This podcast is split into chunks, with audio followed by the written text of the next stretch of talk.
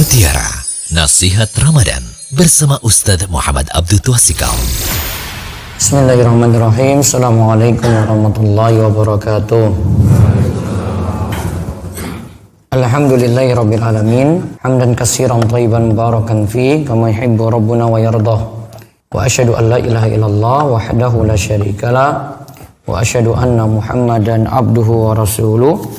Allahumma salli ala nabiyyina Muhammad wa ala alihi wa man tabi'ahum bi ihsan ila yaumiddin. Allahumma inna nas'aluka ilman nafi'a wa rizqan thayyiba wa amalan mutaqabbala. Puji syukur kita panjatkan pada Allah.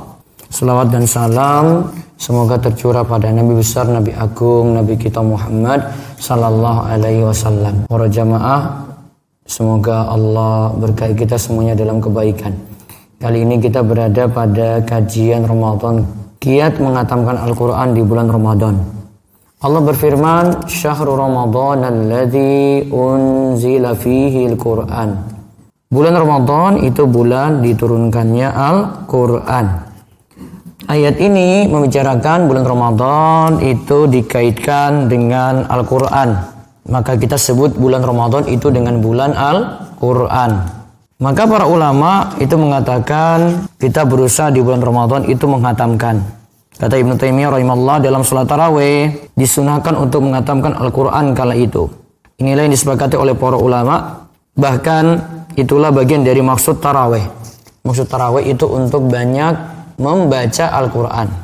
Tujuannya adalah supaya kaum muslimin bisa mendengarkan Al-Quran seluruhnya di bulan Ramadan karena bulan Ramadan adalah bulan diturunkannya Al-Quran kata Ibnu Taimiyah.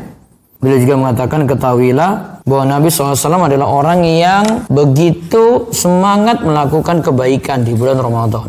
Beliau lebih bertambah lagi semangatnya di bulan Ramadan. Di antara buktinya saat bulan Ramadan Jibril secara khusus mengajarkan kepada Nabi Wasallam Al-Quran. Maka kalau kita mau hatamkan ini di halaman 40 dari buku Mutiara Nasihat Ramadan sebutkan, hatamkanlah yang mudah. Kata Nabi Shallallahu Alaihi Wasallam dari hadis Abdullah bin Amr radhiyallahu anhu, Iqra'il Qur'ana fi syahrin. Bacalah Al-Quran dalam waktu satu bulan. Kemudian Abdullah katakan, ini ajidu kuwatan. Saya bisa lebih daripada itu. Faqra'hu fi sab'in wa la tazid ala dhalik. Nabi SAW katakan, sudah hatamkan dalam tujuh hari, jangan lebih daripada itu. Kemudian Imam Bukhari juga membawakan judul bab berapa lama batasan waktu dalam menghatamkan Al-Quran. Kemudian beliau membacakan firman Allah Fakro umat tayassaramin. Maka bacalah apa yang mudah bagimu dari Al-Quran. Kata Ibnu Hajar bahwa yang dimaksud oleh Imam Bukhari dengan membawakan surat Al-Muzammil ayat 20 adalah bukan menunjukkan bahwa satu hari harus satu juz. Dalam riwayat yang lain dari Abdullah bin Amr ketika Nabi SAW ditanya berapa hari mesti mengatakan Al-Quran, beliau jawab 40 hari. Kemudian Nabi SAW menjawab lagi sampai satu bulan. Nah Ibnu Hajar mengatakan karena keumuman firman Allah Ta'ala yang artinya Fakra'u min Bacalah Al-Quran yang mudah bagimu. Mencakup pula jika kurang dari itu Yaitu kurang dari satu juz juga boleh. Barang siapa mengklaim harus dengan batasan tertentu Maka ia harus datangkan dalil atau penjelas Ibnu Hajar juga menukil perkataan Imam Nawawi. Imam Nawawi berkata, kebanyakan ulama berpendapat bahwa tidak ada batasan hari dalam mengatamkan Al-Quran. Semuanya tergantung pada semangat dan kekuatan dan ini berbeda-beda satu orang dan lainnya. Dilihat dari kondisi dan person masing-masing.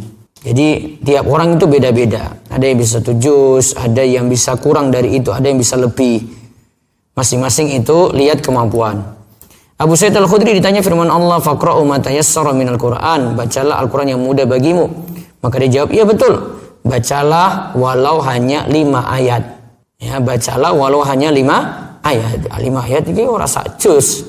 Kemudian dalam riwayat At-Tabari disebutkan dengan sanad yang sahih, Abu Sa'id katakan walau hanya 50 ayat. Nah, itu juga tidak sampai satu juz. Ada juga riwayat yang lain disebutkan As-Sudi katakan walau 100 ayat. Itu juga masih belum satu juz. Intinya semua tergantung kemudahan. Bagi yang mudah untuk menghatamkan, monggo hatamkan. Bagi yang tidak mampu, tidaklah terkena dosa. Yang jelas Al-Quran itu 30 juz. Satu juz itu kalau di Musaf Madinah itu ada 20 halaman, ada 10 lembar. Misalnya buat target satu sholat lima waktu, sholat subuh misalnya 4 halaman. 4 kali 5 berarti nanti jadi 20 halaman. Atau mungkin lebih aman duduk satu kali langsung hatamkan satu juz lebih bagus. Kemudian satu hari akhirnya nanti bisa satu juz, sebulan nantinya 30 hari bisa 30 juz. Namun sekali lagi tidak sampai satu juz tetap dibolehkan dan itu tidak masalah. Wallahu alam bisawab itu tentang hatam Al-Qur'an. Mugi-mugi kita dimudahkan untuk dekat dengan Allah Subhanahu wa taala, dekat dengan Al-Qur'an dan semakin mendapat manfaat dari kitab Allah Subhanahu wa taala. Demikian kita cukupkan, kita tutup kalian doa kafaratul majlis monggo. Subhanakallahumma bihamdika asyhadu an la ilaha illa anta astaghfiruka wa atubu ilaik. Assalamualaikum warahmatullahi wabarakatuh. Demikian mutiara nasihat Ramadan bersama Ustaz Muhammad Abdul Tuasikal.